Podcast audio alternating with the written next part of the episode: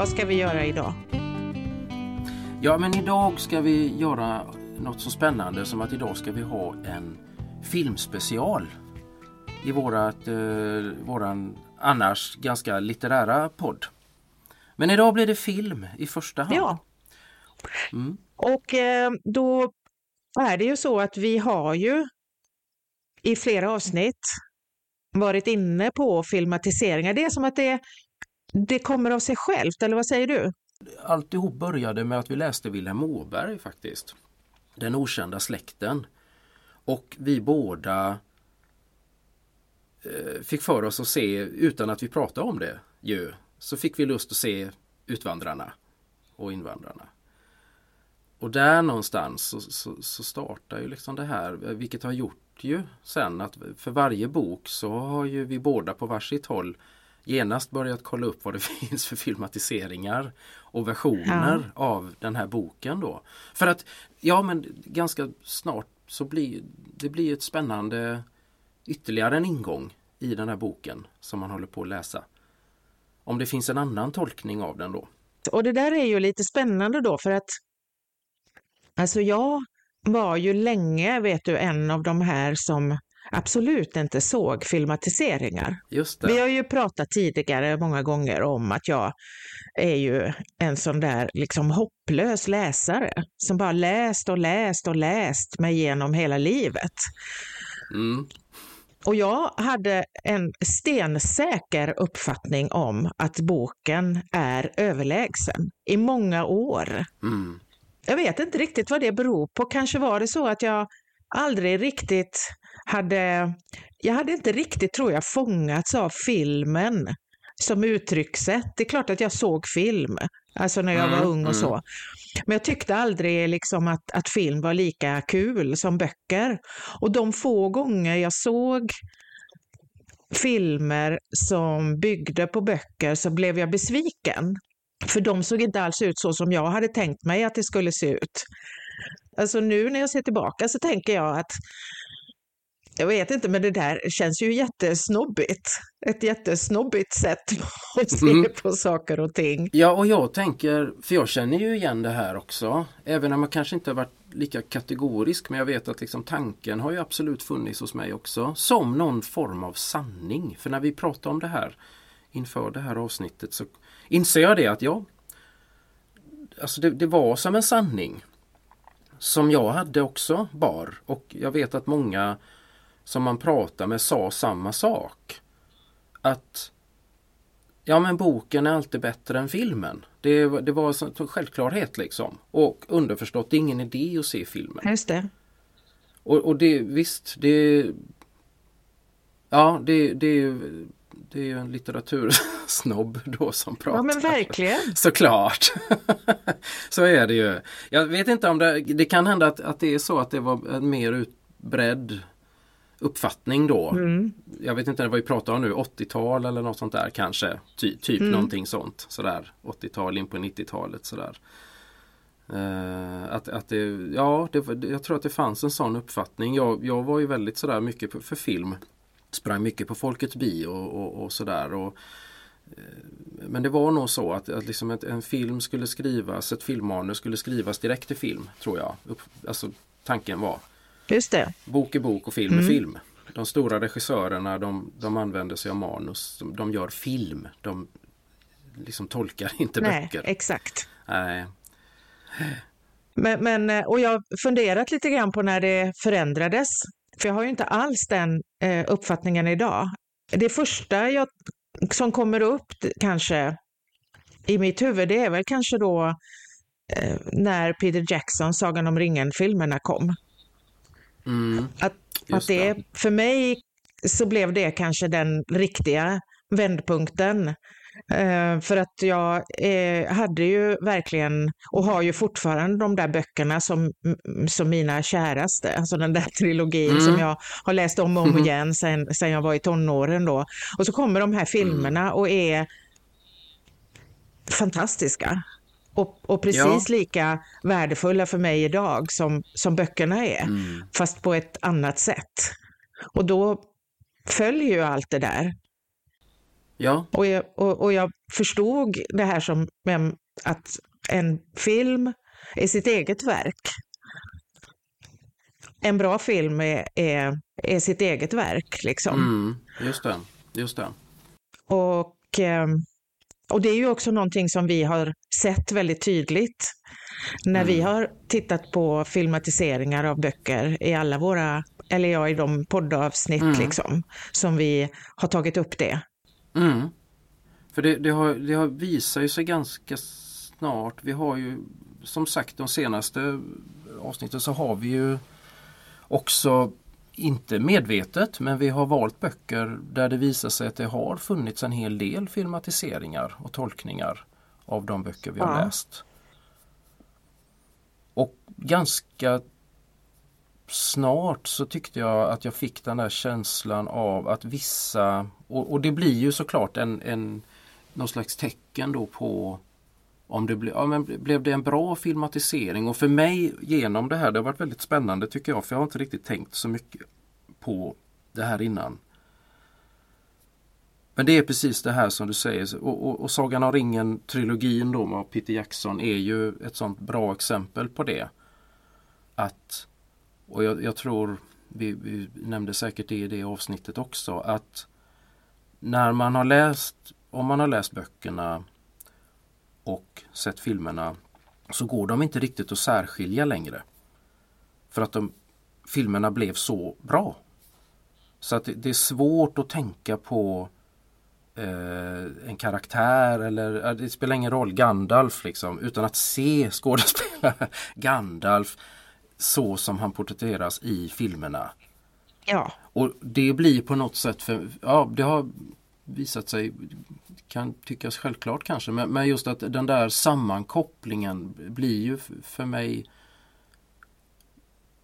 ett, ett liksom tecken då eller bevis på liksom att här har ju regissören och hela teamet såklart liksom lyckats. Utvandrarna, invandrarna av John Troell tror jag vi pratade om är också ett sådant exempel att det är svårt idag att läsa boken Utvandrarna av Vilhelm Moberg utan att se Max von Sydow framför sig. Det är som att det går inte. Nej. Och, och, och grejen är också att det är inte störande. Utan det är snarare tvärtom att det är självklart idag. Ja. När jag läser det. Att, att det är inte någonting som inkräktar på mitt läsande. För, för det tänker så kan det bli då om det är en dålig filmatisering. Då kan det ju störa mm. boken. Mm. Att, att det där dyker upp som var så uselt mm. gjort. Men, men som Utvandrarna och Invandrarna som bygger på Vilhelm Mobergs hela boksvit där. Den är också sån där en, ett, ett, ett fantastiskt exempel på när bok och film blir på något sätt ett. Fast också naturligtvis precis som du säger också ett fristående verk. Jag upplever ju att de på något vis befruktar varandra. Att, att liksom boken blir också på något vis bättre av mm. att filmen finns. För att karaktärerna i boken får ett, ett liv, ett ännu Alltså ett, ett djup kan de få och, och, och ett mm, uttryckssätt. Mm. Du får, kan få hjälp mm. också med, med att se dem framför dig. Liksom, eh, vid sidan om eller tillsammans med kanske det som du har då byggt upp i din fantasi när du har läst och sen då så får du ytterligare en bild och så kan det där gå ihop. Eller om du har sett filmen först så ser du då till exempel Monica Zetterlund och, och som Ulrika mm. och Max von Sydow mm. som Karl-Oskar när du sedan läser boken. Och, så mm. det, är som att, det är som att det blir båda två blir bättre av varandra. Mm. Och det tycker jag är så mm. spännande. Det tycker mm. jag, och, och jag tycker liksom att vi har vi har varit inne på det så många gånger när vi, mm. när vi läste eh, Hemsöborna och såg filmen Precis. där, när vi läste Hedebyborna, eller den mm. heter ju inte det, men fil, filmen heter ju, eller tv-serien heter ju Hedebyborna då, va? Eh, Del Blanc. Och mm. eh, så, så, upplevde vi ju hela tiden att, att ja men det här de här två, de liksom på något vis gifter ihop sig och så blir det en, en mm. ännu bättre helhet. Och det mm. tycker jag är så otroligt spännande. Jag har inte riktigt tänkt mm. så tidigare, även om jag har vetat det kanske lite sådär omedvetet mm. med till exempel mm. Sagan om ringen-filmen, men jag har inte riktigt mm. tänkt på att det är så det funkar, att det, liksom, det är som att det läggs till.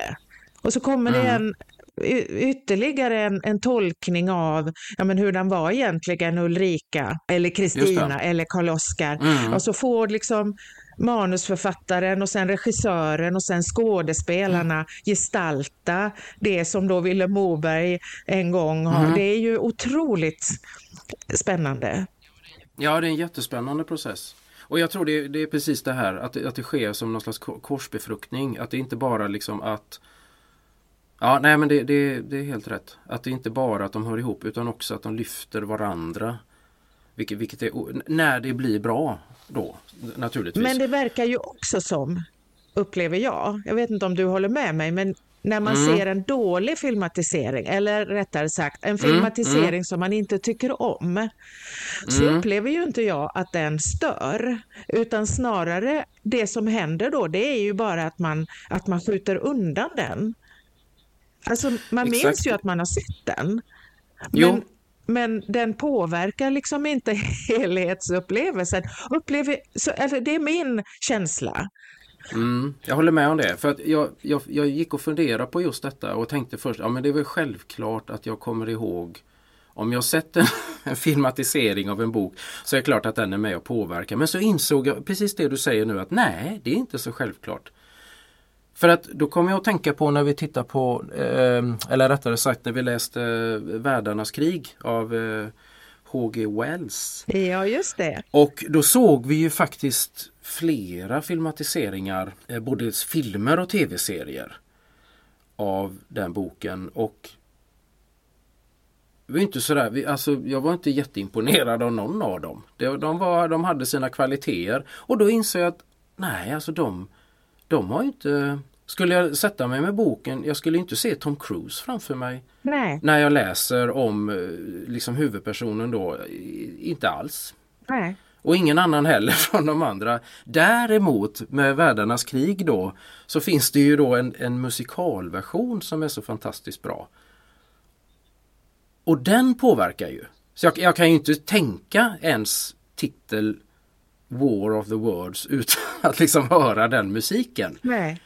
Och jag minns att när jag läste boken så dök ju musiken upp i huvudet på mig medans jag läser. Ja. Liksom. Så där ser man, det är ett ganska tydligt exempel på just detta att, att de då som, ja, men som inte blir så bra helt enkelt. Eh, subjektivt naturligtvis, men det som du säger, de, de skjuter man bara ifrån sig. De, de, de kommer inte att påverka läsningen. Nej. Och därför gör det ju ingenting att de görs. Nej, då har det liksom ingen betydelse för antingen så tar du till det och det blir det sker den här korsbefruktningen då. Eller så gör det inte det och då spelar det ingen roll som du säger. För att då kan du läsa boken igen och ha din egen upplevelse. Ja. Lite där. För vi tittade ju nu på den nya filmen Utvandrarfilmen. Just det. Faktiskt det enda vi har gjort så, sådär, inför det här avsnittet med, med Skarsgård där. Uh, nu är de så många så nu kommer jag inte ihåg om det var, är det Alexander? Det var det va? Nej, det är Gustav Skarsgård. Nej, Gustav såklart. Det är Floki från Vikings. Den gamla vikingen. Mm. Som plötsligt har utvandrat. Ja. så var det. Ja, nej men för skojs skull. För att, för att det är också en, en spännande grej det här med, med, när man pratar filmatiseringar av böcker. Just det här att, att, att man gör att man åter man gör nyinspelningar. Mm. Och det görs ju hela tiden av, av ja, många filmer såklart. Men i det här fallet så, så återigen då så görs det liksom en film på Vilhelm Mobergs böcker. Då. Det som kanske är lite märkligt redan från start med den här filmen tycker jag, det är ju att man försöker att trycka ihop alla fyra böckerna mm. i en normallängdsfilm typ. Eh, ja. Att, att det, är, det är alltihop från allra första början i Sverige mm. och tills dess att att det tar slut i, i, i sista brevet eh, mm. till Sverige, eh, heter den va? Mm. Och att det blir väldigt packat ju. Ja det blir det ju, det är en otroligt lång resa ja. detta. I, i, i böckerna. Mm. Det är ju som sagt det är fyra ganska omfångsrika ja. böcker. Jan Troell valde ju att, att, göra åtminstone två väldigt långa filmer ja. av detta. För att liksom försöka och, få mm. ihop det. Och här då som du säger så, så knör man ihop det till en enda normal lång spelfilm. Dels så tycker jag att det blir summariskt väldigt mycket. Du måste, ja. Eh, du, du måste ta, ta bort en massa karaktärer och du måste också eh, ju plocka bort en massa händelser och, och, och liksom mm. Ja, ja och, och hela berättelser förstås eftersom du också plockar bort karaktärer. Eh, mm. och, och rent allmänt är ju inte det ett, ett ett bekymmer i sig. Jag menar, det är klart att man kan göra så när man gör en film, att mm, man förenklar mm. och, och, fokuserar. Och här har man ju då sagt mm. att, att den här då, eh, berättelsen ska ha Kristina i, i, som mm. liksom huvudperson. Det är utifrån hennes perspektiv då. Eh, så att den är, har ett litet, en liten annan riktning kan man väl säga då, då mm. än, ja, än, äh, än Troells äh, filmer. Så. Um, och, och det, det, låter ju inte dumt, det skulle ju kunna bli bra. Men jag tycker mm. ju inte riktigt att det blir bra. Jag tycker att det blir, det blir packat. Det är som att man har plockat ihop det som man vet, de där berättelserna, de där episoderna som man vet att människor tycker om. Och så har man mm, liksom tryckt ihop det.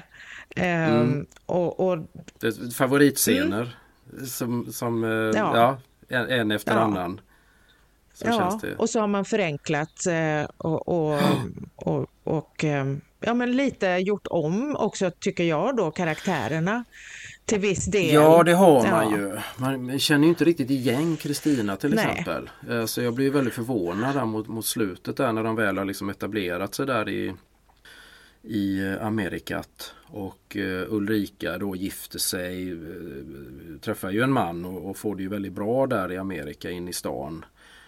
Uh, och det visar sig då att han är någon baptistpastor. Uh, och att Kristina vänder henne ryggen för detta. Ja. Liksom. Uh, för att hon, hon har gått med baptisterna och det här, det här känns Det var en sån där, alltså hon känns väldigt Hon känns lite, hon känns bitter. Ja. På ett sätt som jag inte upplever mm. henne i, i någon annan.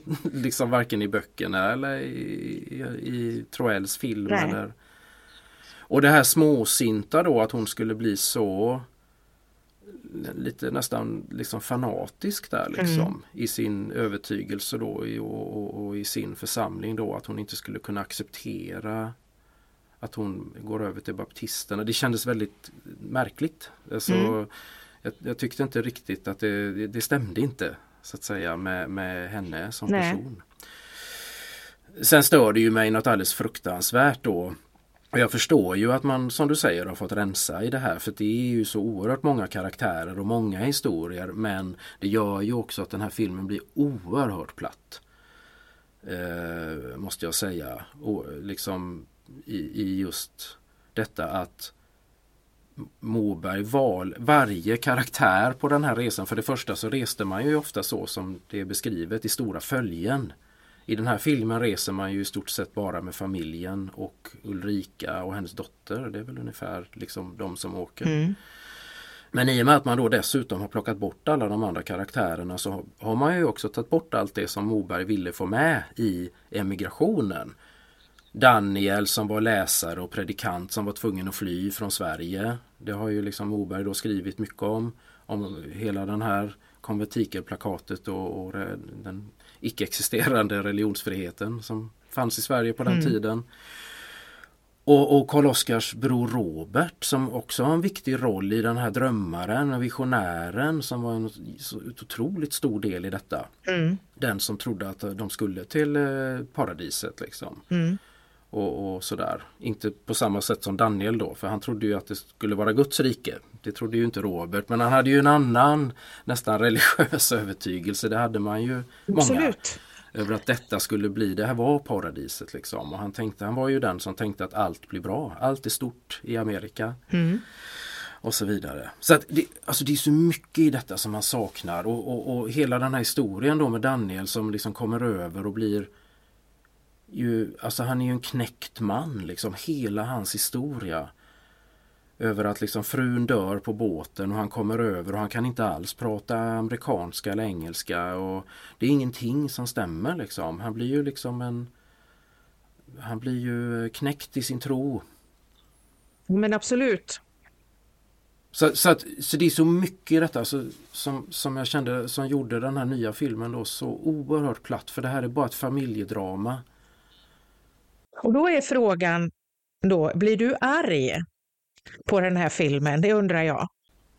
Ja just det. Nej det, nej, det blir jag ju inte. Jag blir inte arg på den för att jag tänker ju att det kan ju alltid vara värt på något sätt att försöka, precis som vi sa. Jag tänker att de kanske har tagit lite inspiration där av Björn och Benny då med sin Kristina från Duvemåla som också ju valde att berätta den här historien ur Kristinas perspektiv. Och det är ju inte fel. Alltså jag tänker att det här görs ju liksom på, på, på teatrar eh, ja, hela tiden. Det här är ju liksom en av teaterns grundsten att man liksom sätter upp samma pjäs man sätter upp eh, Molières eh, Den inbillade sjuka om och mm. om igen. Och varje regissör försöker hitta sin ingång. En, en ny läsning, en ny tolkning kan vi liksom och så mm. vidare. Liksom. Ibland blir det bra, ibland blir det mindre bra. Så att nej, jag, däremot kan jag väl möjligtvis ifrågasätta då liksom när det redan finns så bra filmer så kunde jag ju liksom ifrågasätta redan under arbetet där att varför Eh, det kan jag undra. Men som sagt, det, det, kan ju vara värt ett försök. Men det är intressant då när du, precis det här med, med den här vreden det här kan väcka då. Om man tänker då just som vi nämnde innan då, eh, Tolkien och Sagan om ringen-filmerna och eh, ja, dess förlagor då, böckerna, så, eh, så finns det ju en eh, det finns ju vissa som är så Alltså de, de, de, är liksom bokstavstrogna på något sätt. Precis. De gillar inte Sagan om ringen-filmerna därför att vissa saker har utelämnats eller för att vissa karaktärer eh, inte är gestaltade riktigt så kanske som de beskrivs i böckerna. Och att eh, det som jag tycker är jag tycker att det är spännande att de här samtalen förs. Jag tycker inte alls att det är mm, fel. Mm, mm. Det är jätteintressant att, att prata om, liksom, men hur tänker du liksom, kring den och den karaktären eller ser du honom som, och så kan man diskutera om det. Det som förundrar mig lite det är väl den här, det är, den, det är vreden och, och det här mm. Ja, men man kan sitta på Youtube och, och spela in liksom två och en halv timme av hur man mm. avrättar liksom, fil filmer. Mm. jag, jag ja. kan liksom inte riktigt låta bli att tycka att det är, det är skojigt och också lite intressant. Vad kommer det sig? Jo men det här är intressant och det är ju framförallt, vi, vi pratar ju mycket om det här jag och du och kanske framförallt då som du säger i samband med just tolken och Sagan om ringen. Och, och, när vi pratar om det här någon gång så, så kom vi ju in på just detta att, att alltså det, det, det blir väldigt likt en, ett, liksom ett bokstavstro troende kristen syn på ja. Bibeln. Alltså det påminner väldigt mycket om detta de här som läser Bibeln till punkt och pricka och, och varje ord är sant och heligt. Ja. Och det får man inte omtolka utan det är liksom Uh, och det, det finns, det, det, känns ibland i de här diskussionerna att det finns en väldigt stark likhet med detta. Att liksom tolken Ja men det blir något slags, apropå heliga böcker som är mm. så aktuell dis diskussion. Men att tolken blir ju helig på något sätt i detta. Han blir någon slags förmedlare av ett gudsord och det är heligt ja. det han har skrivit. Du får inte, man får inte rucka på detta. Du, får inte, du kan inte bara gå in och omtolka detta hur som helst för då kommer någon och pekar men tolken, titta här på sidan 457 tredje stycket så, st så står det på det här viset. Ja. Så här säger Frodo där, eller mm. vad det nu är. Liksom. Och nu är det ju så då att, att Tolkien är ju död sedan länge. Mm. Ja, men nu pågår det då någon, någon form av eh, krig, liksom, om vad mm. Tolkien egentligen menade när han skrev det ena och det andra. Då. Mm. Och så finns det då eh, finns det ju böckerna, romanerna, eh, mm. Hobbit-boken, och sen, men sen så finns det ju mängder med andra också böcker och brevsamlingar och alla möjliga eh, manuskript som har blivit utgivna efter att han hade gått bort och så vidare. Va? Så det, finns ju, det mm. finns ju en enorm eh, liksom källa av, av material här att ösa mm. ur. Mm. Och naturligtvis då så finns det ju alltid, kan man ju hitta då, precis som i Bibeln så går det ju att hitta att, att ja, men det, ni ser ju här, det är ju jag som har rätt.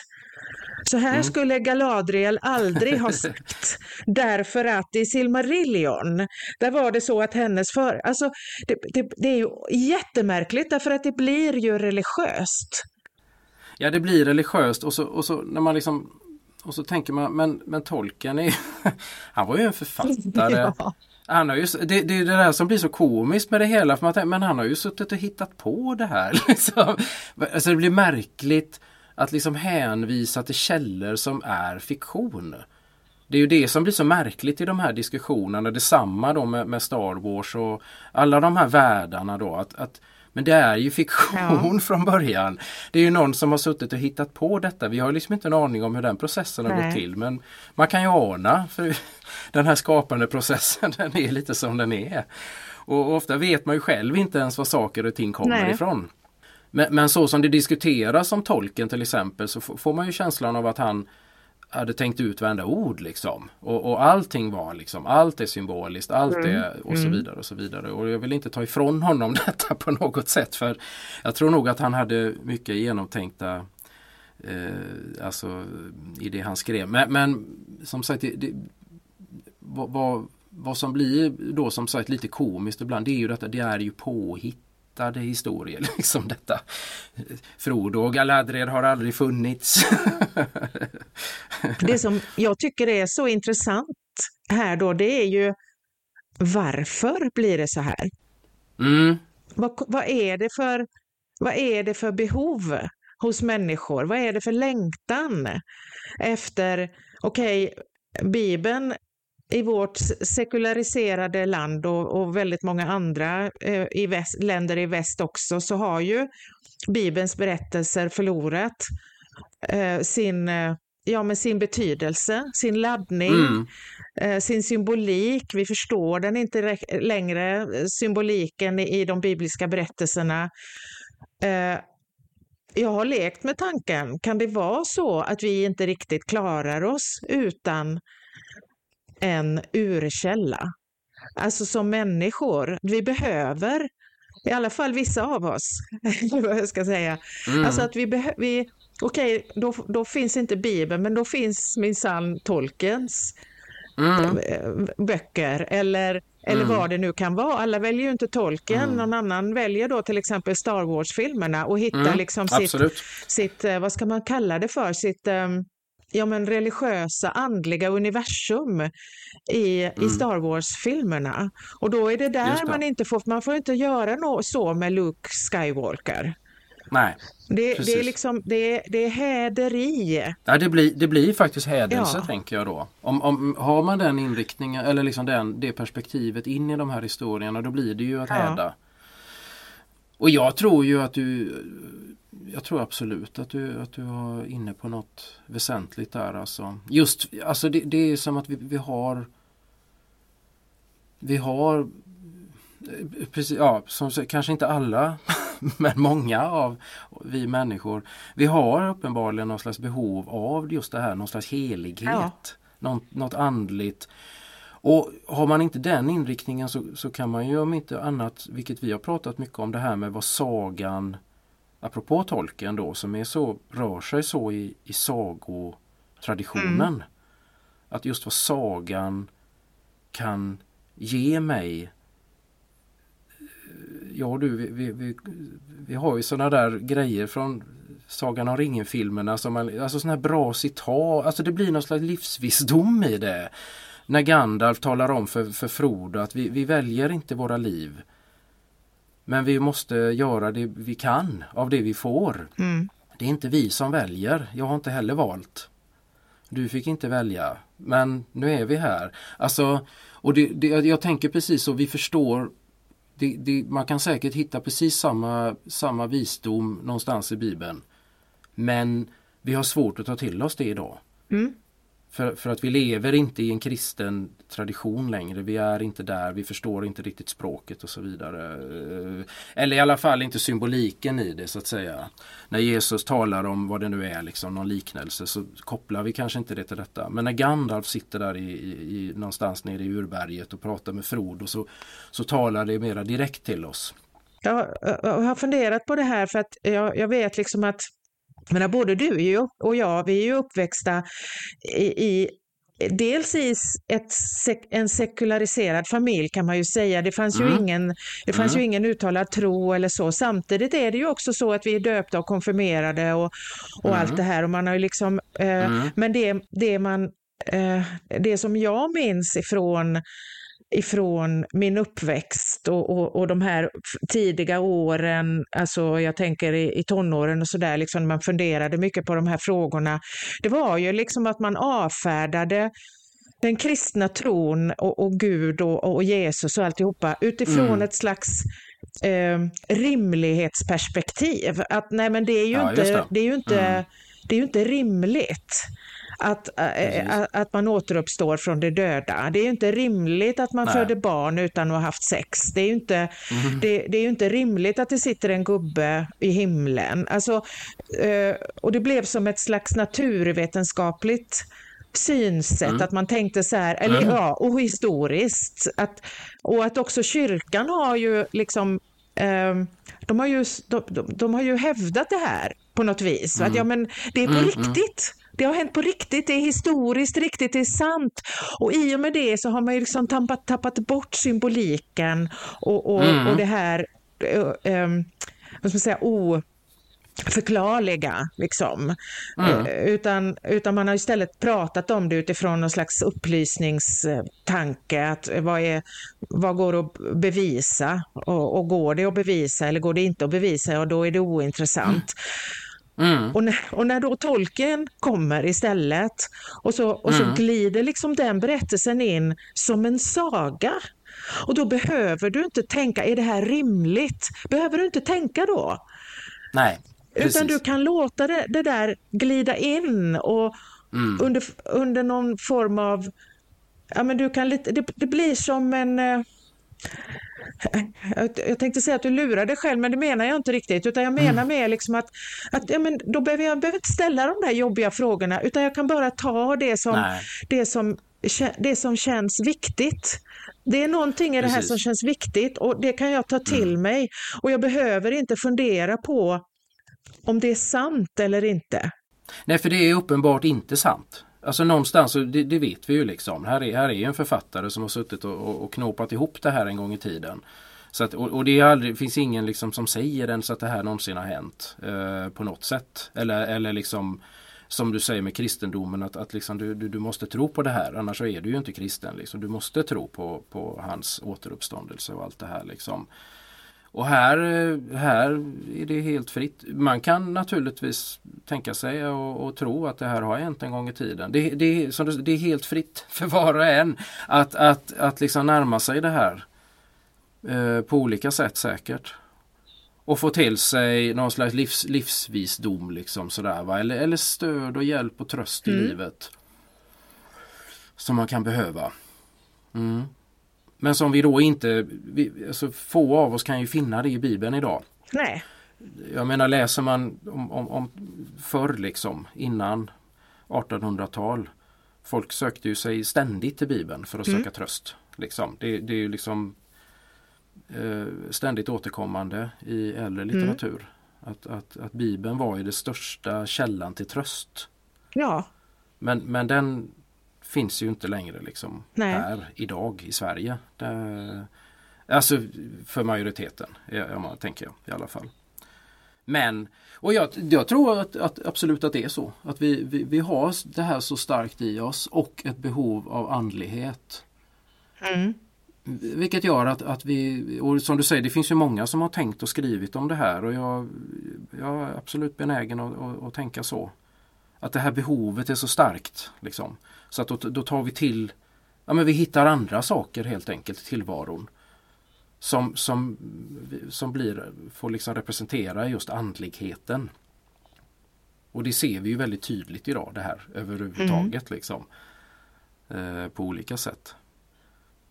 Eh, liksom långt utanför litteraturens värld. Men, men eh, ja, att, att det, det, här, det här behovet är starkt. Naturvetenskapen har inte alla svar. Och den kan framför, det är ju som någon jag tänker, det ligger ju i detta också att, att liksom naturvetenskapen kan ju ge svar på väldigt, väldigt mycket men någonting som den absolut inte kan ge svar på så är det ju meningen med tillvaron. För där får vi aldrig något svar från naturvetenskapen Nej. och det, det, glömmer man ju av många gånger i de här debatterna, de här humanisterna och då som säger vi behöver ingen andlighet längre, vi behöver ingen religion, vi behöver inte det här. För vi har naturvetenskapen, den talar om för oss exakt hur det är. Det är bara det att vi får ju inte svar på den absolut största frågan vi har. Nej, och jag tror ju att, att vi överlag liksom är förvirrade inför sanningsbegreppet. Mm. Därför att vi har om man tittar på oss då, födda på 60-talet och även, tror jag, generationen före oss väldigt tydligt. Eh, vi har ju någon slags uppfattning om att, att sant, det är det som går att bevisa. Mm. Eh, och det är ju det här naturvetenskapliga, vi är så skolade i det mm. och man ser ju det jättetydligt om man följer diskussioner på nätet till exempel, um, i sociala medier och så. Va? Mm. Det kan ju ligga på olika nivåer naturligtvis och en del är ju, är ju pinsamt låga nivåer. Men det är ändå så att när du liksom ska föra fram din sak så använder du ofta det här att ja, men det finns forskning som visar att. Mm. Eller det, det, är, det, det gjordes en undersökning att om att. Ja. Och, och då är det sant. Och det ska finnas mm. en, en källa och så. Och, och det är ju helt riktigt. I vissa fall är det ju helt Absolut. rätt. Och det är ju fantastiskt med, med forskning som kan, som, som liksom eh, efter massor med olika undersökningar i, i, olika former av labb kan komma fram till saker och ting och, och där man till slut liksom kan slå fast att ja, men det verkar faktiskt vara så här. Och, men det man måste förstå också det är ju att den sanningen den håller ju bara ett tag. För sen kommer det ju ja. ny kunskap och så visar det sig att jo, i det här lilla området så är det sant, men om man tittar i det här lite större perspektivet då, då, då, mm. då verkar det faktiskt vara på det här sättet. Så att, så att den typen av mm. sanning den är ju väldigt flyktig egentligen. Det är ju bara vad vi vet just nu. Och det är ju det, tänker jag, som man också har blandat in då i den här ja men till exempel i, i den kristna traditionen, att man liksom, jo men alltså vi vet att att det är på det här och på det och Jesus han levde då och då. Och, och, och, och att, att man, liksom an, man använder då samma som om det skulle bevisa att den här religionen är rätt, när det snarare är så mm. att religionen ju handlar om en annan typ av sanning. Och det är ju ja. det som är så, blir så Precis. intressant med det ja. du sa innan, att vissa mm. delar av den livsvisdom nu som, som till exempel går att hitta i Tolkiens böcker, mm. den finns med all säkerhet i de flesta eh, heliga böcker genom mänsklighetens hela mm. historia. Eh, men den måste hela tiden finna nya vägar fram till människor därför att mm. av någon anledning så tappar då så att de heliga böckerna verkar det ju som då och religionerna, de enskilda religionerna tappar liksom sin betydelse och då måste den här, den här andra typen av sanning, den måste liksom leta sig fram till människor på, på nya sätt. Och det har ingenting med den här bevisbara sanningen att göra, för det finns ju ingen som kan bevisa någonting när det gäller till exempel meningen med livet. Nej. Ever. Det, det går Nej. ju inte. Vi kommer ju aldrig hitta ett bevis eller no, no, något slags absolut svar på den, på den frågan. Jag vet inte riktigt vad, vad, skulle jag göra med det svaret då? Om, om, om, alltså det, det kan man ju tänka på, på, då om, om någon faktiskt skulle komma med, med svaret på meningen med livet. Jag vet inte riktigt vad jag ska med det svaret till ens. Nej, men hur var det nu igen då? Eh, 42? Ja, men det är väl 42 apropå en, en bra filmatisering. Och den som har läst boken vet vad vi pratar mm. om nu. Eller sett filmen. Vi avslöjar då att det är, det är, det är svaret på, på frågan om livets mening i boken Liftarens guide till galaxen. En absolut favorit. Ja det är det ju. Douglas Adams. Alldeles, vi har inte läst den här i podden. Det kan bli ett framtida eh, en omläsning där kanske. Eh, men eftersom vi nu pratar film eh, den här gången så kan vi ju nämna den som en eh, trots att vi inte har läst den boken som en oerhört bra filmatisering av den här boken. Den är så lysande så man måste se om den med jämna mellanrum. Mm, ungefär så. Med, med Martin Freeman som är fullständigt fantastisk eh, Arthur Dent. Ja. Som eh, en dag vaknar och inser att, att eh, det ska byggas en stor intergalaktisk motorväg så att jorden ska liksom, ja helt enkelt byggas bort. Det, bör, det börjar med att hans hus ska, ska rivas och, och, och, och det står massa maskiner utanför. Och sen tar det liksom bara jag vet inte vad det rör sig om i tid, är det en kvart eller någonting? Så visar det sig som du säger att det står likadana maskiner långt ut i universum och ska skyffla bort hela jorden.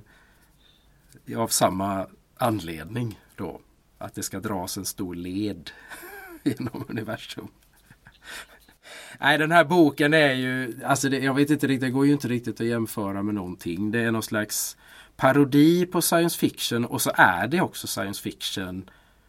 Alltså och det är samhällskritik. Den är fruktansvärt rolig. Jag tror vi konstaterar att ingen, ingen av oss två har skrattat så mycket som när vi läste den här boken.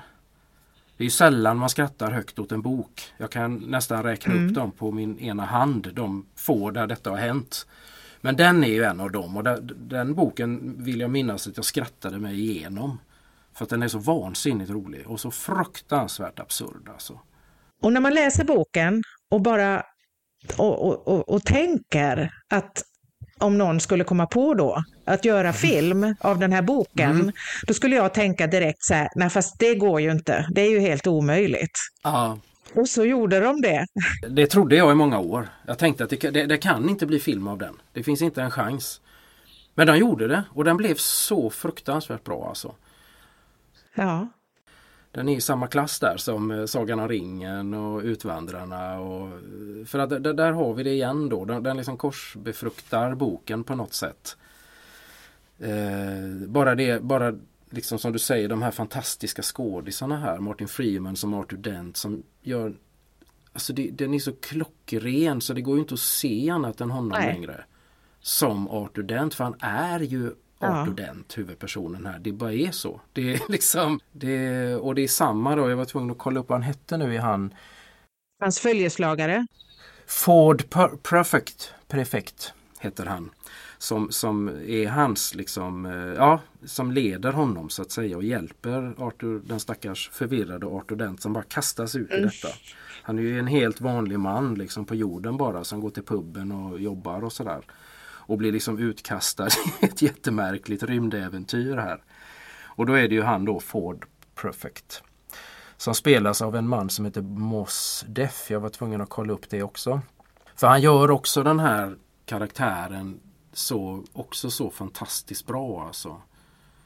Um, i, I sin liksom vi pratade lite om det in, inför det här liksom att det här är, det här är liksom om man pratar litteratur, de här paren som finns, de här klassiska paren. eh, Sherlock Holmes och Dr. Watson. liksom det här. Alltså, här, här är det ju liksom gjort så att Arthur Dent, är, han, han kan ju ingenting om rymden. För hur skulle han kunna det? Han har, aldrig, han har aldrig rest i rymden. Han är en helt vanlig kille liksom i England. Han gillar att dricka te, typ sådär.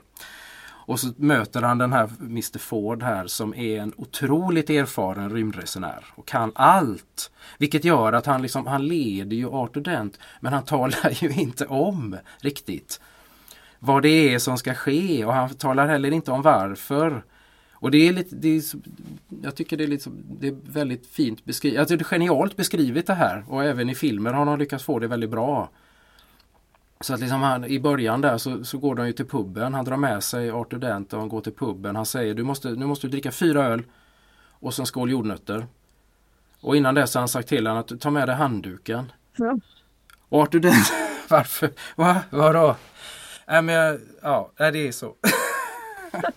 och så visade det sig naturligtvis att det här hade ju sin funktion. De behövde protein och de behövde B-vitamin och gud mm. allt. Liksom, mm. va? Och det visste mm. Ford. För alldeles snart så ska jorden sprängas. Mm. Vi har bara fem minuter på oss nu att dricka upp de här ölpinten. Och tog du med dig handduken, bra, den kommer du behöva sen.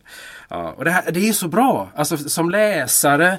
Så det är ju det här som man, man pratar om med, med, att man, man identifieras med Dr. Watson för att liksom han är den som får komma på hela tiden vad Sherlock Holmes menar. Han får, han får ibland vid vissa få tillfällen så får han liksom briljera då med att komma på vad Sherlock menar. Men i de flesta fall så fattar han inte vad Sherlock menar. Och det är lite liknande här. Att liksom Arthur Dent ligger alltid steget mm. efter. Mm. Uh, och, och Ford inte, ja, vi, vi, pratar om det, det känns inte liksom som en nonchalant karaktär utan det är bara att han vet så mycket så att han, för han, precis som det kan bli när man står inför någon som, man ska, om man ska hjälpa någon och snickra Alltså vissa saker är så självklara för snickaren så att den säger inte ens eh, kanske allt.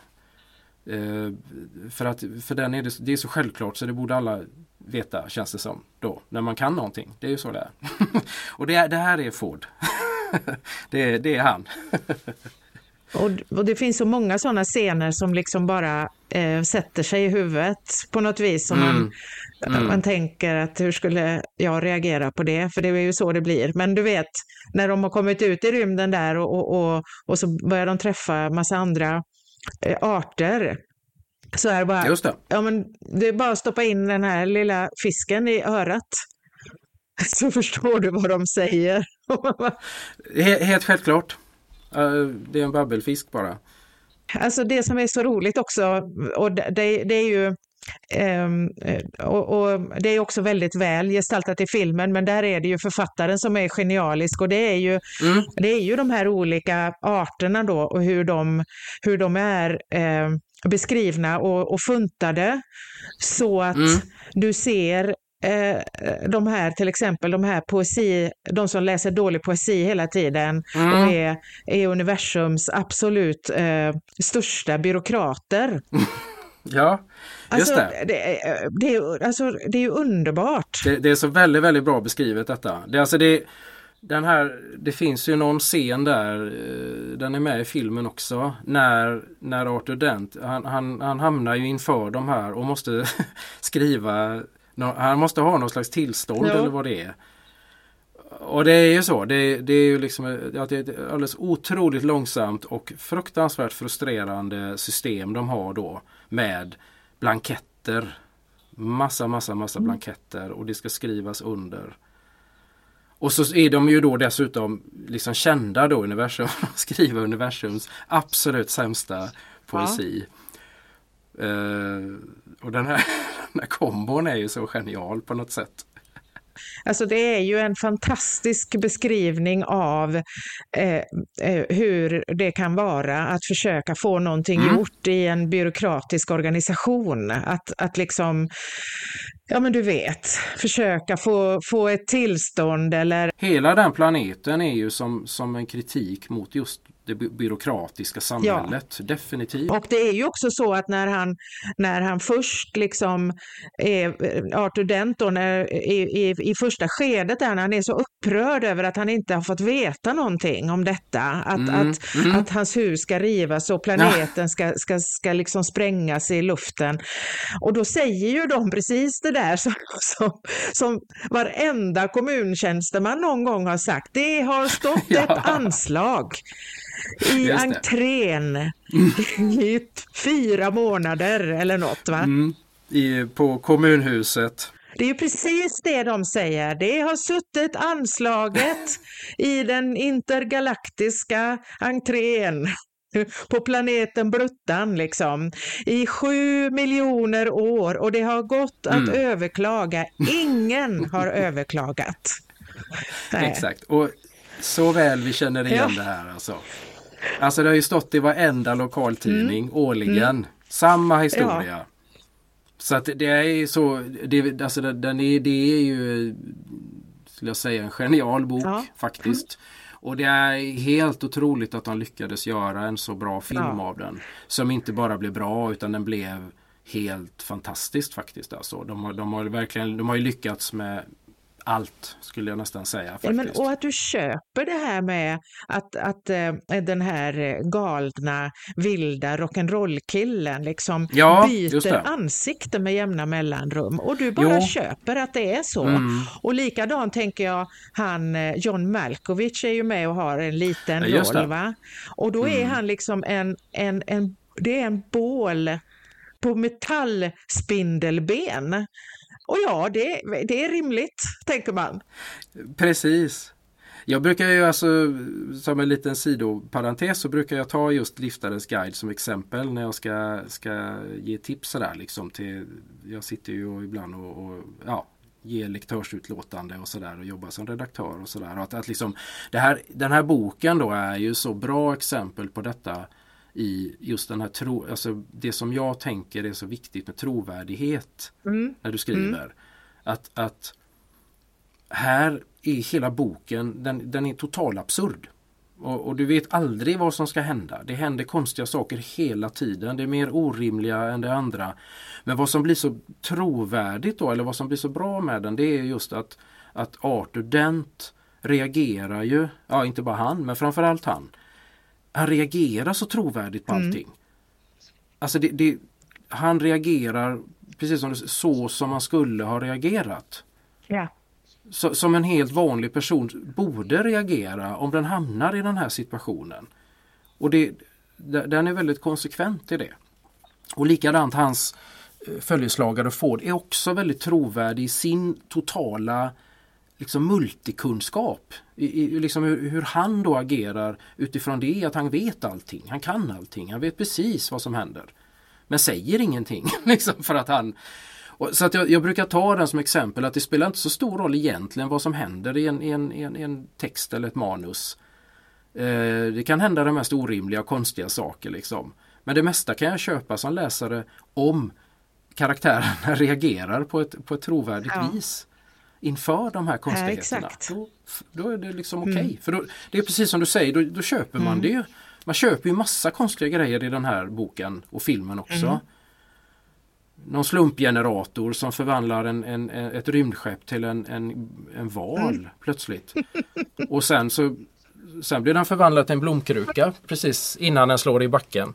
Och innan dess har valen hunnit fundera ut massa existentiella frågor om varför den är där och, och vad, det är, vad det är som är stort och fint som kommer så hastigt emot honom. Och sådär. liksom. och Ja men man köper det liksom. Och även där, till och med valen, alltså det är det som är så fint med den här Douglas Adams, en fantastisk författare. Till och med valen då reagerar på ett trovärdigt vis. Som, om man nu tänker då som jag, att, att valar är tänkande människor, eller inte människor är de inte, men tänkande varelser då. Va? Så under de, sina korta liksom, sekunder i sin existens så hinner ändå valen fundera över tillvaron. Vilket är fantastiskt. Ja, och jag tror ju också att anledningen till att den här boken och filmen då är någonting mer än en, en underhållande bagatell, för det skulle det ju kunna Mm, vara. Det skulle det absolut kunna Det vara. tänker ja. jag är just detta, ja men dels att det finns eh, djup i form av en, en väldigt genomtänkt och samhällskritik, det är ju en del, Mm. men också att det faktiskt genom hela berättelsen så finns det ju en, någon form av som en bihistoria, att vad är egentligen meningen med allt? Mm. Mm. Eh, Jo, och, och det är ju det, det här med 42 då, va? att det är liksom svaret på, Ja, just det. på vad är det de säger nu då? Universum och allting. Ja, det är väl det. Ja. Uni- universum och allting. Ja. Livet, universum och allting. Just det. Så är Just det. det. Just och, det. Och, och, och, så, att, så att på ett slags skruvat antivis Mm. så är den ju en, en berättelse om sökandet efter meningen med alltihopa. Mm, så är det. Ja, eh, ehm, en annan film som, som eh, vi kommer att tänka på då inför det här som, som jag också som exempel det, det är ju en svensk film som heter Vem älskar Yngve Frey? Han, han skrev ju då Slas, Vem älskar Yngve Frey? Den ingår liksom i en, som, nästan som en liten trilogi kan man säga av böcker. Och de, de här tre böckerna då det är då alltså på palmblad och rosor och så finns det en bok som heter Henrietta ska du också glömma. Just det. Ehm, så, och alla tre filmatiserades eh, någon gång här. Eh, jag vet inte, det kan vara tidigt 80-tal Mm. tror jag. Ehm, de andra två är jag inte riktigt lika förtjust i, varken som böcker eller filmer. Men Vem älskar Yngve Frey är just en sån här, den, den ligger också där uppe på topp Mm. i sin helt fantastiska gestaltning av den här boken, de här karaktärerna och den här miljön, alltihop. Ja, det, det, det här är en sån där bok som både boken och filmen återkommer jag till. Jag både läser och ser den säkert en gång om året för jag kan inte låta bli för de är så fantastiska. Båda två. Vad som händer här då som, som, som jag tycker är väldigt fascinerande det är att här kan jag nästan tycka att filmen är bättre än boken. Ehm, och det är ju för att man har ju så då strukit inte, inte som, som eh, man gjorde i Nya Utvandrare när man stryker bort personer och hela episoder. Men man har kortat ner lite grann, man har vissa dialoger är borta och sådär som man som Varje gång jag läser boken numera så, så får jag lust att hoppa över dem. När de dyker upp i boken. För jag inser också att de är överflödiga. Filmmanuset är faktiskt mycket bättre. Det blev bättre när de tog bort de där grejerna. Och för den som då inte har läst eller sett den här filmen så handlar den ju i korthet då om, om eh, som så ofta då i, i, i Slas böcker så handlar det ju om den här kontrasten mellan storstad och landet. Ja. Och, och, och landsbygden då som på något sätt håller på och eh, tyna bort liksom, försvinna. Och framförallt de här gamla då som lever kvar i den gamla, i landsbygden liksom. Och lite förvirrat undrar vad var det som hände. Och det här det handlar ju då om två män då som bor, delar på ett hus och en bror och en syster Elna och eh, skomakaren då som delar på ett hus där. Och så har han då ett skomakeri och så har de väl någon lada eller någonting. Och Öman har höns. Det har varit en stor gård det här men det, det här är vad som finns kvar idag. På det här som kallas bråten då. Och då, vad som händer är ju helt enkelt att, att han, skomakaren, han, får för, han, han lägger ner sitt skomakeri. Det är egentligen där alltihop börjar. Han går i pension. För han tycker att han har gjort sitt. Och då, då, då får han för sig att han, han vill skriva en liten skylt nere på vägen, nere på landsvägen som bara pekar upp där på, på, upp i skogen att det finns någonting här, det bor folk här. Men då hamnar han i den här diskussionen med sin syster Elna om det, om det då ska stå Bråten. Eller om det ska heta Östentorp. För det heter Öst, eller om det ska stå det, för det heter Östentorp men alla säger Bråten. Och då kan han inte riktigt bestämma sig för här vad, vad, vad, vilket, är, vilket blir bäst. Liksom. Och då säger ju Elna till slut, det spelar väl ingen roll vad det står. Vi kommer ändå gå här sådana fornminnen. Och till slut så skriver han fornminne på skylten. Och en, en söndag då när gubbarna sitter ute på bänken och Elna in i köket som vanligt så kommer det upp två stycken unga turister som är ute på bilfärd och undrar var, var är fornminnet någonstans? Och då, då, då måste de ju liksom visa någonting och då tar skomakaren på sig och går upp då och visar en gammal husgrund som ligger lite, liten bit upp i skogen och säger att det här är Yngve Frejs grav. Mm. och det, vad som är sant är det är ju att det har bott en gammal soldat och det är ett gammalt soldattorp där och där bodde då en man som hette Yngve Frej och hans hustru Josefa. Och därmed har de då skapat en grav. ett gammalt fornminne där på bråten. Och det här för ju med sig då en väldig massa grejer och sen kommer det då dit då eh, en, en viktig person då som heter Petson som är fotograf. Som bosätter sig där med sin husvagn då och hans eh, flickvän. Och sen, sen kretsar allting kring detta med hur de ska göra med det här fornminnet. Och också, men han är ju så jäkla bra på det här då att beskriva den här miljön ute på landet, de här människorna som har levt mm. där hela livet. Och den här krocken då med storstadsmänniskan mm. Petson. Då. Och vad, vad, han upplever av allt detta liksom. Hur han liksom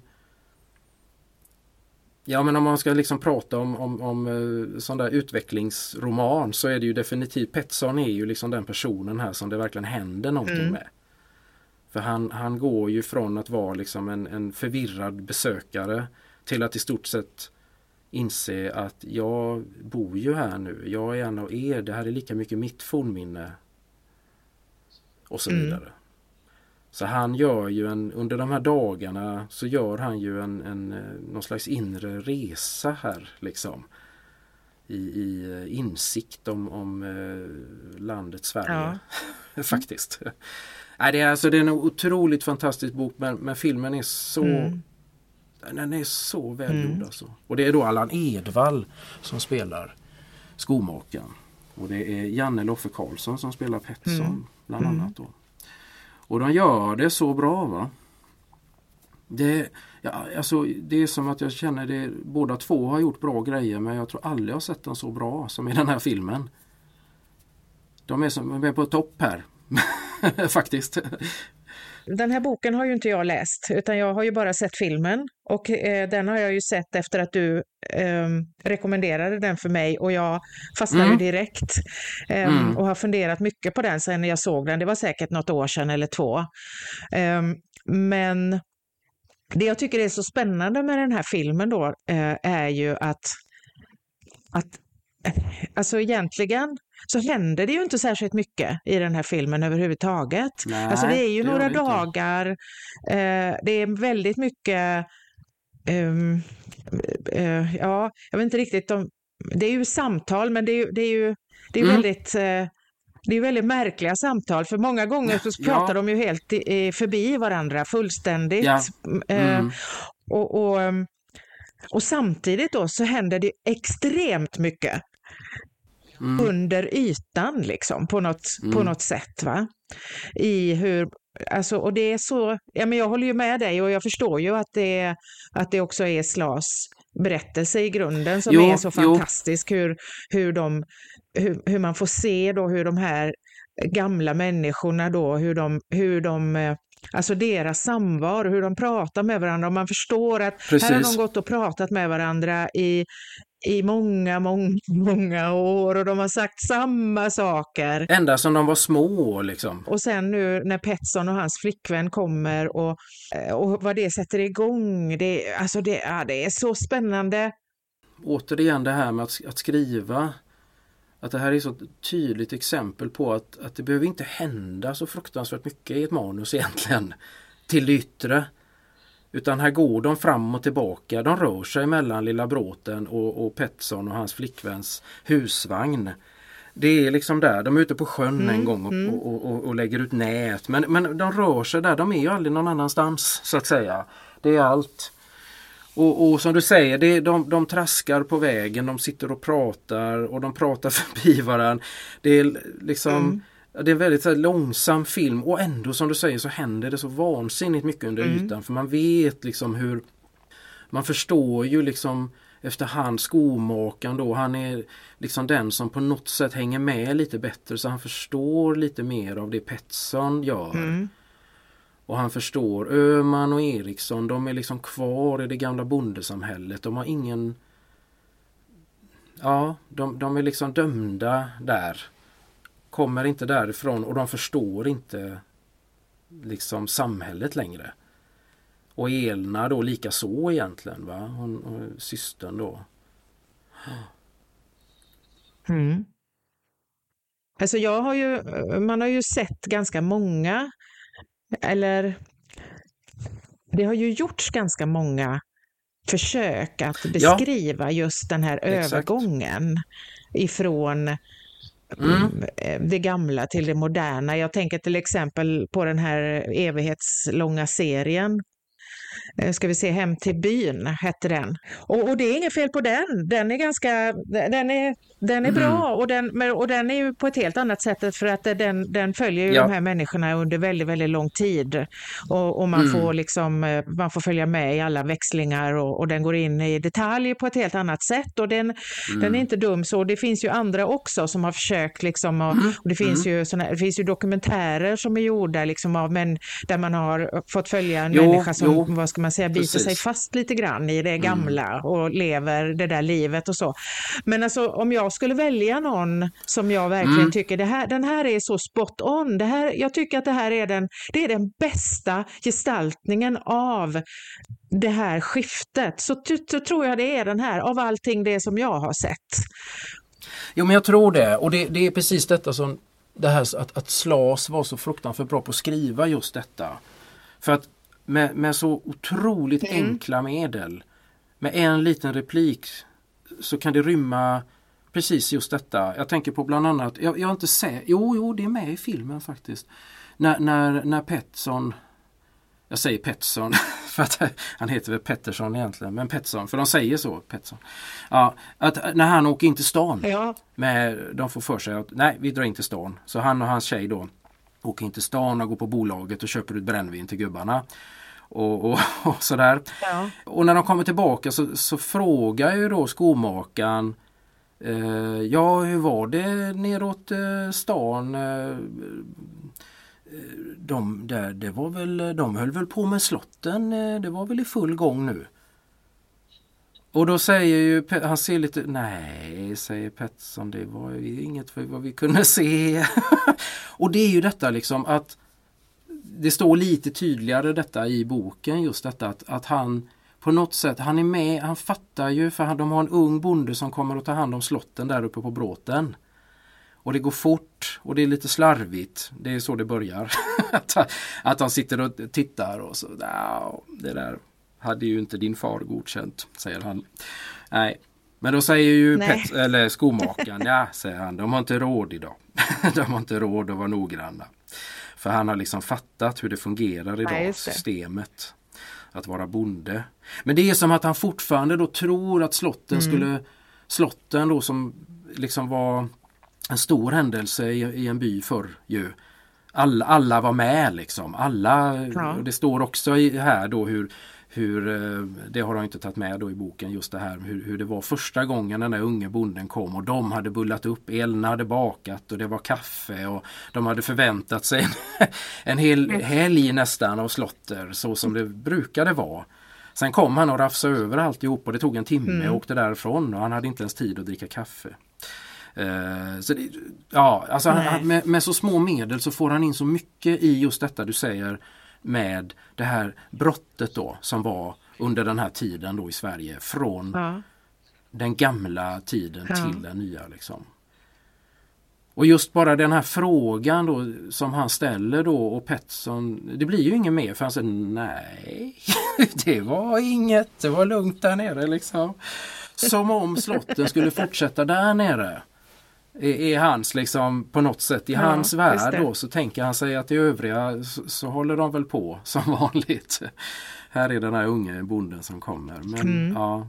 Och det är så mycket sånt här i den här boken Mm. och filmen som eh, precis som du säger om man jämför med då som, som eh, Hem till byn som jag tycker är en fantastisk serie men som tar liksom många, många år. Den, är ju liksom, den handlar om många år. Den handlar ju lik, nästan lika om, om många år som den spelades in i stort sett. Den är ju nästan, liksom, man tänker det är realtid det här för att den är precis så långsam och ja. man får följa personerna från tonåring till vuxen och barnen växer upp. Och... Mm. Men här gör han ju precis detta som, ja, han, han, han eh, han destillerar, han gestaltar det så fint att han behöver inte berätta det. Det räcker med en och en halv timmes film. Så har han berättat hela historien ja, om detta. Ja. Det är otroligt eh, skickligt får man ju säga, både, både berättande, alltså boken då eh, förstås, men också mm. eh, att göra film av det och att få det att få, att få till det. Och det, jag tänker att det också naturligtvis är skådespelarinsatser som, som klarar att göra det här. det är verkligen så. Jag, jag tänkte på en annan, eh, en annan eh, filmatisering som också...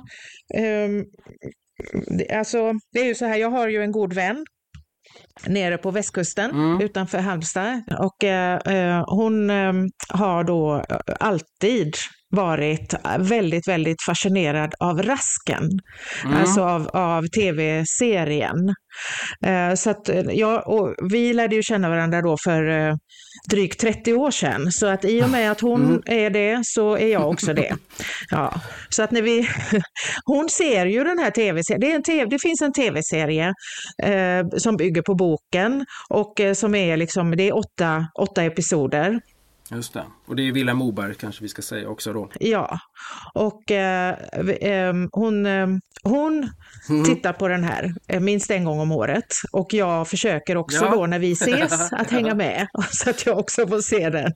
Så, så att den här finns liksom, den finns på något vis liksom inbyggd ja. numera ja. i våra kroppar. Vi kan eh, alla repliker och hela historien och vet precis vilka scener som är bäst och ja, eh, och så vidare. Det är en fantastisk mm. bok för det första och en fantastisk filmatisering. Det handlar ju om mm. en indelt soldat. Då. Eh, han, han, huvudpersonen mm. är ju dräng från början och han har lite svårt för att finna sig i drängeriet. Han är lite stursk av sig och det är ju då eh, Sven Volter som gör en fantastisk eh, korpra, nej, korpral blir han sedan, men först är han ju menig då. Så, att, så han, på gården där han är så råkar det vara så att, att eh, man är där då från kronan och, och letar efter, eh, mm. man rekryterar helt enkelt eh, soldater och eh, då stegar han fram där för att han tycker väl att det där drängeriet var väl inte så... Han har råkat lite illa ut och blivit osams med någon mm. bonde och det är det ena med det andra då. Så han är ganska ung när han då får den här, han blir liksom rekryterad då och så får han då det. det. här nya namnet då, Rask. Ja. Um, och så handlar ju det om hans liv och mm. hans, mm. ja fram tills dess att han dör då. Så var det, ja. um, I kallbrand. för att han har varit ute och gått i snön och gett bort sina stövlar till en gammal, ja, um, ja en annan gammal soldat. Ja, och så, ja. Men eh, alltså, jag har funderat lite på vad det är som gör att den här att den här mm, historien mm. är så viktig och att, ja. att den har fångat oss så att vi, att vi är tvungna att titta på den hela tiden och, och, och kan prata, vi kan alla och Sven Wollter han har ett väldigt eh, speciellt sätt att prata på också i, och det funkar så himla mm. bra. Men i alla fall då så, så eh, vad, vad, är det? Och då har jag tänkt, för min egen personliga del, så har jag funderat på om det inte kan ha lite grann att göra med att vi faktiskt har en indelt soldat i vår släkt. Precis, våra farfars far ju. var ju precis detta i Hemsjö. Ja. Utanför Alingsås. Och, och, nu heter ju inte jag, jag heter ju Widerberg numera eftersom jag gifte mig då till Widerberg, men annars har ju vi ett soldatnamn då, vi heter ju Kvick. Jo, och det var ju det han fick. Och jag heter ju fortfarande Kvick. Och det fick ju han då, han heter ju Karlsson. Mm, mm. Och jag tänker att, att när, det, det, det, hade jag ju inte något intresse för när jag växte upp, förutom då att, att just det här namnet tyckte jag ställde till det för mig. Mm. Eh, under hela min uppväxt. Eh, så jag var ju väldigt glad när jag fick gifta mig och fick ett annat namn. För att, för att jag tyckte alltid att det var eh, att folk liksom skulle ja, roa jämt. sig på ens bekostnad när man hette Kvick. Och särskilt illa var det ju när man fick eh, lärarvikarie, mm. när man gick i skolan. Så här, mellanstadiet, högstadiet och så kommer det mm. någon stackars lärarvikarie in och så, och så, och så ska han, eh, det var oftast en han, och så skulle han, så fick han en klasslista och så skulle han ropa upp alla och så, mm. och så ropade han upp eh, folk i mm. bokstavsordning och så Anna Kvick, ja, sa jag. Och då skulle de alltid säga någonting roligt. Det var kvickt ja. sagt mm. eller vad snabb du är eller och Alltså du vet sådär, för en, en tjej i nedre tonåren är det inte det roligaste sättet att bli uppmärksammad på. Verkligen inte. Nej, och det var säkert inte kul för dig heller. Nej, man var ju lite trött på det här. Peri periodvis så har jag också, också känt mig otroligt trött på det här namnet alltså. Det, det är verkligen så. Sen, sen, sen går det ju med sig. Men, men, det är väl precis den där känsliga skolåldern och det där liksom. Ja, det var ju liksom de kom ju sig av att det skulle vara korta namn. Jag, jag som håller på att forska lite där kan ju också berätta att det, det, var faktiskt den sista tiden. Vi är, så, vi är så vana vid att tänka att våra knäcknamn, som vi säger då, soldatnamn, det är just kvick och rask och frisk och tumb och allt vad det är. Men det var faktiskt den sista tiden. Rask ingår ju där i den eh, liksom eran. Men innan dess så var det inte det som var soldatnamnen utan det är soldatnamn och de tänker man inte riktigt på idag att det ens är soldatnamn. De var mer förknippade med, med torpet som de bodde på. Det var egentligen ett vanligare Aha. soldatnamn har jag förstått nu. Jag har alltid trott att det var självklart det här med de korta namnen men det, det kom senare faktiskt. Så att då var det, ja, jag vet inte om jag har något bra exempel nu men eh, Nej jag kommer inte på något men bodde du på torpet Saxebäcken så kanske du fick heta Saxebäck. Eller någon variant på det liksom i efternamn. Det var, det var tydligen mycket jag vanligare förstår. faktiskt. Mm. Så att jag ibland tänker att mycket av våra efternamn idag med, som har så mycket natur i sig. Lindbäck och Lindhage och eh, Björkhage, Björkbäck. Skulle kunna vara det, det har jag inget riktigt belägg för. Men eh, det är en, en liten gissning där. Ja, en liten Nej. utvikning om, om soldatnamnen här, eh, Rask intressant. Det är, ju, det, det, är ju det som, jag har inte läst boken Raskens, tänkte, jag har den här så det är en som jag tänkte jag skulle läsa. För det här är ju en del av, av våran Ja, den svenska, ganska, jag menar det är inte så länge sedan som indelningsverket, man skrotade det. Det blev, vart ju allmän värnplikt mm. efter det då. Men jag tänker att, att det är inte helt självklart idag eh, om man pratar om indelningsverket vad det var för någonting. Det, det tror jag inte Nej. alla har koll på. och att de här soldaterna då ingick i, i det och att det var vårt försvar då under väldigt många år. Det var liksom det var vårat, det svenska exakt, försvaret. Exakt. Så var det alla de här soldaterna som var utplacerade ute i, i de olika socknarna då liksom. Mm. Mm. Mm. Och det är ju en jätteintressant Mm. Alltså rent historiskt är det ju jätteintressant att, att se den här serien därför att du får en väldigt bra ja. bild av hur det faktiskt fungerade. Att du, du, du fick den här, du blev alltså rekryterad och, och, och så fick du då mm. ett, ett, du fick flytta in i ett torp. Ehm, och sen så var du ju Mm. Du var ju liksom utlämnad åt de här rotebönderna. Precis. För de hade ju ansvaret för, för, för att, att torpet skulle finnas där och, och, och så vidare. Jajamän. Och viss, viss, eh, viss lön då skulle de ju få in, det var ju liksom naturalön, olika ja, men, grödor och sådd och, och, och sådär va. Och, och kyrkskjuts mm. skulle de stå med och lite annat sånt där. Eh, och det, då vill det ju till då att att du inte blev osams mm. med någon bonde, för då blev det ju besvärligt. Och så var det ju för Rask då. Han vart ju osams för att han tog ju, han gifte ju sig med den kvinnan som den viktigaste rote, ah. sonen eh, till den viktigaste rotebonden då eh, var intresserad av. Så där ja. blev ju en livslång ovänskap som då eh, fick jättestora effekter för Rask och hans familj då. Och det ingick ju dessutom, vet jag, jag läst då som, som just på grund av att jag håller på med det här just nu då, att, att de soldaten själv, det var inte liksom de här rotebönderna som självmant kom med ersättningen eller den här naturabetalningen. Utan det här skulle soldaten, det var på eget ansvar detta, åka runt och begära detta.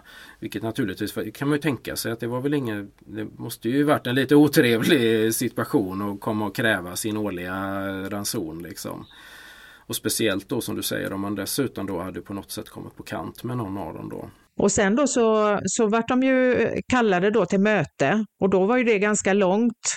För, första åren då, då, fick de ju, då fick de ju gå. Eh, alltså de promenerade och det var ju flera mil till det här mötet då, då och var borta jättelänge. Så att, så att, eh, det får man ju se då i serien hur då hans hustru då Ida, de har fått de får ju till slut, jag tror det är nio eller tio pojkar de här, i den här familjen då, men då har hon kanske tre eller fyra pojkar och då har de plötsligt eh, ändrat tid för det här mötet så då är det mitt i, ja men i september när det är som mest att göra mm. där på, på, på torpet. Va? Mm. Och då blir hon ensam där, höggravid och med mm. fyra, med fyra pojkar ja, så ska hon sköta det här. Och, och så ska då de här rotebönderna eh, ja, men hjälpa henne då. då. Och det, ja, och, och och så finns det en scen där den är, och så, som är så, den, de är, den är så hjärtskärande. För att då, mm. då, han är ju borta då, rasken, och, och hon är där hemma och försöker så gott det går. Och hon är ju otroligt mm. stark och duktig och fantastisk, den här Ida då. Och um, så, så, kommer hon på att hon, hon tar med sig pojkarna ut och så plockar de lingon mm. och det är ett jättebra lingonår. Så de plockar hur mycket lingon som helst. Och de, de kommer hem med hinkar du vet och, och hon räknar att det här kan vi, det blir, ja. det blir fem riksdaler. Mm när vi har sålt de här mm. lingonen så det blir fem riksdaler. Och, eh, och så säljer hon och, och, man förstår då att hon, får sin, hon har räknat ut då vad hon ska köpa till hushållet jo, för de här jo, pengarna. För precis. det är ju knapert förstås med allting. Va? Och så en dag när, när hon är ute då, med, mm. vad hon nu gör med sin stora mage, skvätter dynga eller sprätter dynga heter det och, och, allt vad hon håller på med, så kommer en av pojkarna springande och säger det går in en man i, i huset, det går in och så hon skriker portmonnän ligger på köksbordet. Ah. Och då är det en tjuv som nej, tar då nej. fläsk. Hon hinner ju mm. inte ifatt honom. Hon springer ju så gott hon kan, men det är inte så lätt. Så hon, han tar då en fläskbog ja. och så tar han pengarna i mm. portmonnän och, och, och, försvinner. Va? Och, eh, och, och, mm. och, Ida hon blir ju fullständigt förtvivlad naturligtvis. Hon sitter där med sina pojkar bredvid sig mm. va? Och, och, och, gråter liksom. Och så, och så säger hon man ska aldrig räkna ut någonting, Nej. för det blir ändå aldrig som man tror. Mm. Och det där återkommer hon till. Eh, jag tänker på det nu när vi har pratat mm. lite om det här mm. med det andliga perspektivet. Liksom att, alltså Ida är ju en, hon ja. är ju en gudfruktig kvinna. En prak väldigt praktisk mm. gudfruktig kvinna. Eh, hon har det verkligen inte lätt. Men hon, mm. de, är ju ett par som verkligen gillar varandra, men, men Rask han är inte lätt att leva med. Mm. Och det händer väldigt många saker och de bråkar och de blir osams och, och, och så vidare. Mm, och, mm. och, och, de har det fattigt förstås och det är tungt och svårt och alla barnen mm. som hon bara är gravid och föder barn och gravid och föder barn hela tiden. Liksom. Men hon är ju, alltså hon har en sån, hon har en sån grundmurad mm. gudstro på, han tror på att det mm. som sker är meningen. Det blir så som det ska vara. Sen kan hon bli mm. vansinnigt mm. arg mm. på sin man för olika saker. Och, och liksom, det är inte Nej. så att hon är någon slags mähä på något sätt. va? Mm. Och, och, även andra som, alltså hon står, det är inte så va, men, men det finns ändå där någon form av jag tyckte att det var, mm, det var, okay. det var nästan behållningen när jag såg serien den här gången. Alltså vem är Ida? För förut har jag bara tänkt på henne som Alltså det är ju Guri Nordvall som gör mm. Ida och hon, mm. alltså det är så bra. Det är så otroligt bra. Från början är hon hon är så ung och så vacker och så vän och sen mm, mm. hon blir ja. ju förgrämd. Liksom. Ja. Det gör nästan ont i en att se henne eh, genom de här åren liksom, fram tills dess att hon blir änka då vid kanske, ja, ja. jag gissar kanske 45 års ålder, tio barns mamma liksom. Um, men det är någonting med det här, med den här du vet, människans spår Gud rår. Mm. Som är så fascinerande. För hon återkommer mm, till det här mm. med jämna mellanrum. Liksom. Någon, vid något tillfälle när det går ganska bra för dem, vet du, och rasken går där på åken och, och räknar. Mm. Ja, nu har vi så här mycket havre och rågen vi ska slå och det kan bli så här många skålpund. Och så är hon tyst en stund och så säger hon ja, ja, säger hon, men eh, nej, det är ingen idé nej, att räkna ut någonting. Man vet ändå inte hur det blir. Och det, det är liksom ingen bitterhet i det, utan det är någon slags... Nej, jag tänker mer att det, det handlar om, om eh, alltså någon slags eh, livs... Alltså erfarenhet och och även som du säger, den, ja men naturligtvis om, om man då som hon har, har en väldigt stark gudstro. Liksom. Att vi, vi vet aldrig, vi har mm, ingen mm. aning om Guds vilja, Guds Nej. vägar. Eh, Nej. Vart det ska ta vägen liksom. Eller, eller livet då. Och jag Precis, och jag kände när jag tittade på den här och nu när jag har funderat efteråt, så kände jag lite liksom att i Idas fall så blev det här, den här förmågan att liksom lämna över till en annan kraft mm -hmm. som, var, som är större än henne, räddade mm. henne lite ifrån mm ja, men bitterhet och, och, och ja, men, ja, och, och, och, hopplöshet. Va? Att hon, hon det var ju verkligen hopplöst emellanåt. Hon förlorade eh, en bebis och hon förlorade en pojke i vuxen ålder som blev ihjälslagen. Och, och, och de förlorade, alltså, jag menar, och i vissa år mm. var det ju katastrof med maten och de hade inte så det räckte och, det var, och de var illa sedda, du vet, för att de var osams med den här, med den här bonden då. Va? Och, och ja, mm. det, det blev liksom hit och dit. Och, men att det ändå på något vis, mm. ja, att hon hade ändå någon form ja. av att ja, men det är bara att resa sig och ta nästa mm. och nästa dag och nästa dag och kämpa på och, och så. Men jag tror att, det, att, att apropå det vi pratade om innan då, att finna tröst. Alltså i, i, i gamla tider just mm. i Bibeln och i Guds ord. Att, att jag kan ju tänka mig ja. att det var att, att det i mångt och mycket var precis den här trösten man kunde få.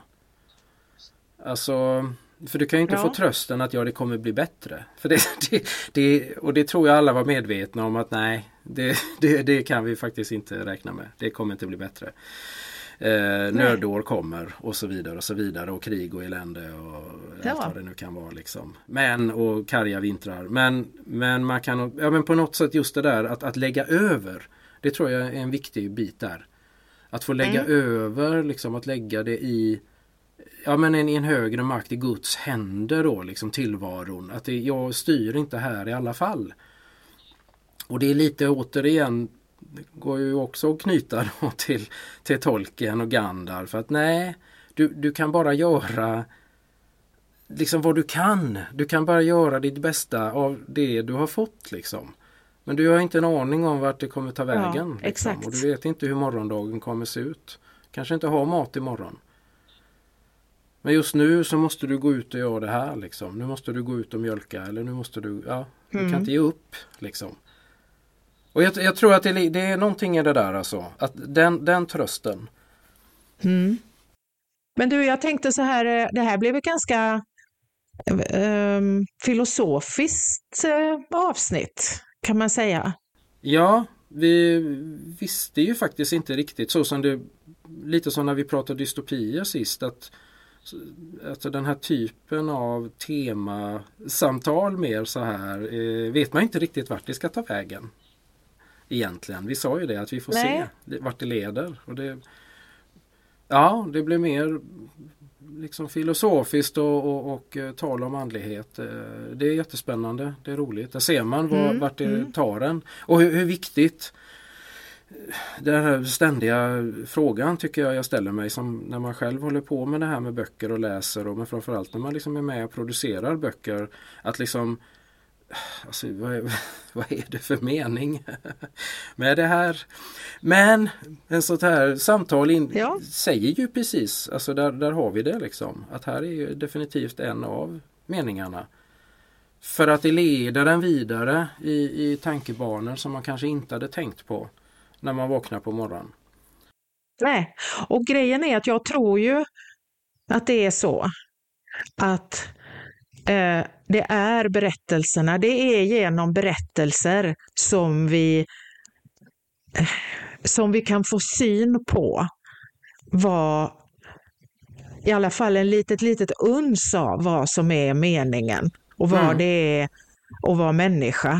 Jag tror jag kommit fram till att, att jag åtminstone tror att det är, kanske inte finns något annat sätt, utan det är berättelserna.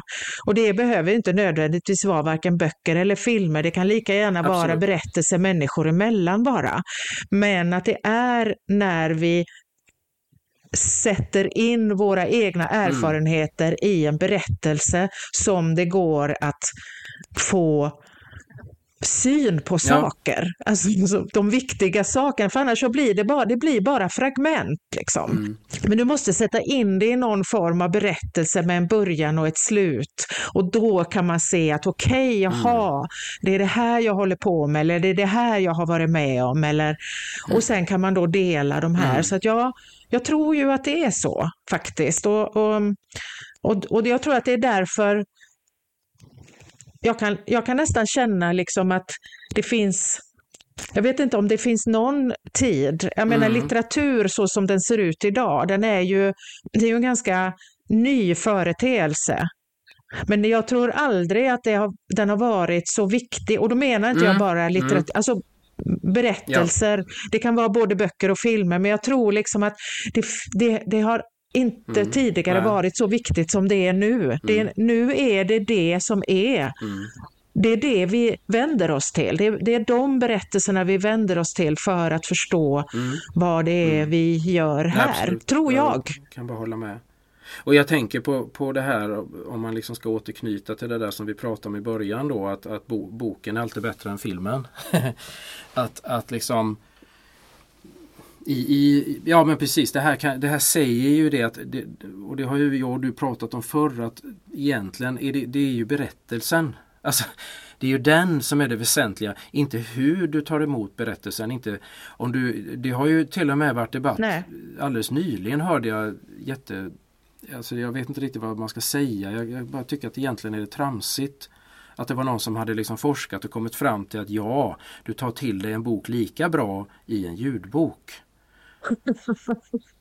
Och då men vänta nu här, inte, det är väl lite historielöst för hur har vi tagit till oss berättelser nu igen då innan romanen ja. slog igenom på 1800-talet. Ja. Alltså, och det är så ja, dumt det här, alltså hela den här diskussionen som har, och den har ju förts ända sedan ljudboken liksom blev liksom mer allmängods då mm. och, och klev mm. ut från, från liksom synskadades mm. värld då. Va? Att, liksom att det här blir någonting som vi alla eh, liksom kan ta till oss. Och, och återigen, det kommer ju, alltså det är samma igen då som det här med filmen. Nu pratar vi inte om det men då är liksom frågan att liksom, läser du boken eller lyssnar du på boken? Alltså då, som om det skulle göra någon skillnad. Det är klart att det inte gör för att det är ju återigen, precis som du säger, det är ju berättelsen som är det väsentliga. Sen om jag tittar på en filmatisering eller om jag mm. lyssnar på en musikalversion eller om jag lyssna på ljud. Alltså det, det spelar ingen roll. Det är ju fullständigt oväsentligt. Det är som att det är en icke-fråga det här. va utan det, det, är ju precis det. Vad, vad, säger det mig? Vad är det det väcker i mig? Liksom? Vad är det liksom Yngve Frej-historien? Liksom? Vad är det i den liksom, som gör att jag kan se den om och om och om igen och tycka den är lika bra varje gång och viktig för mig? Precis som du säger om Raskens. Liksom. Och jag ser nya mm. grejer. Man ser liksom Jo, för att det finns en berättelse här. Det finns ett djup i det som, som säger någonting till mig i, i mitt liv. Liksom, med mina erfarenheter och, och så vidare. Va? Mm. Och det, det tycker jag är en, en, eh, Ja men det är lite skönt att kunna liksom konstatera det på något sätt. Att nej, det har ingen betydelse. Det, det är helt oväsentligt. Så vi lämnar all snobbism bakom oss nu. Vi går vidare och nästa gång eh, så ska vi ju faktiskt återgå eh, lite, lite till, till eh, vad ska vi säga, grundtanken med podden, att vi ska läsa en bok helt enkelt. Ja, som inte ingår i någon längre serie eller någonting utan det är bara en enskild bok. Ja, vad blir det för bok då? Ja, men nu har vi ju tänkt länge på att vi skulle läsa Kafka. Och den här gången ska vi nu faktiskt göra det. Och ja. eh, vi bestämde oss för att det blir processen. För att vi båda var överens om att det mm. är nog den boken vi tycker bäst om. Och det, är, det blir en omläsning faktiskt för oss båda. Det blir det och jag ser jättemycket fram emot det, att få läsa om den för det var ett bra tag sedan. Det är även för mig som har läst den många gånger men det, det, ja, nu är det ett tag sedan. Det ska bli riktigt kul att ta sig an den här boken igen. Det är en, en eh, klar favorit. Så att eh, ja, nej men det, så den som har lust att, att haka på här så, eh, så finns ju processen är ju lätt att få tag i. Den finns i nyutgåvor och den kommer liksom ja. Den kommer ut med jämna mellanrum ser jag i, i nya utgåvor sådär och det, den finns på mm. biblioteken och överallt. Den finns även inläst som ljudbok. Hittade jag alldeles nyligen. Den ligger på, på SR Play. Kan man söka upp den där faktiskt. Så, så kan man lyssna på den om man hellre eh, vill ha det formatet. Jag kommer ihåg eh, no, där på eh, mitt eh, postpunk 80-tal Ja. Eh, när man eh, vandrade runt på kaféerna i gamla Haga där innan Aha. det blev ett hippt område. Mm. Och så träffade man de här eh, eh pojkarna eh, med, med, svart eh, hår som stod mm. rätt upp och långa rockar, du vet. Mm, långa svarta rockar. Ja. Och, vanlig syn i Göteborg. Det var en vanlig syn i Göteborg. Och, och, och, då var det inte så ovanligt att de i sin stora rymliga rockficka där hade en bok av Kafka som liksom stack upp lite sådär mm. nonchalant, en mm. pocketbok ur fickan. Så, va? Och, och jag, jag är faktiskt osäker på om, om det var någon enda av dem som verkligen läste eh, eller jag tänker att det var mer en del av uniformen. Men mm. det kan ju vara helt fel. Men mm. i alla fall så tror jag att eh, synen på Kafka då och kanske idag också, det är ju att han är, att han är svår. Mm, att det är en svår författare. Och yep. jag, jag, tänker bara ta tillfället i akt då innan vi avslutar och säga mm, att det är mm. han inte alls. Nej faktiskt inte alls. Och det, så precis, det är bra att säga det för att det, han är väl lite som många andra av de här stora upphöjda författarna, någon som man kanske då som du säger att man kanske värjer sig för att läsa. Och speciellt då processen för man vet det är en ganska lång bok och man har hört så mycket om den. Men han skriver märkligt lättsamt. Ja. Och med, med en eh, ganska stor portion humor. Ja, väldigt mycket. Alltså det, det, är ju en skruvad och svart humor, men alltså det är ju jätteroligt. Ja, Alltså det, det är återigen, apropå Liftarens guide till galaxen, så är faktiskt Kafkas böcker några av de få böcker som jag faktiskt också har skrattat högt åt. Ja. Och det är just processen, så det kan ju vara bra att med sig in i läsandet mm, faktiskt. Mm. Att nej, den är inte så tung som man kanske tror. Nej. Den har liksom ett tungt tema. Mm. Definitivt kring detta med byråkrati och, och så vidare. Men boken i sig upplever jag inte som speciellt tung alls. Nej. Så den eh, Nej, så jag det, ger den en chans. Absolut. Absolut. Så, ehm, ja, så återkommer vi när vi har uh, tagit oss igenom den här Jajamän. boken. Mm. Och då ses vi igen. Det gör vi. Och då säger vi hej då. Hej då.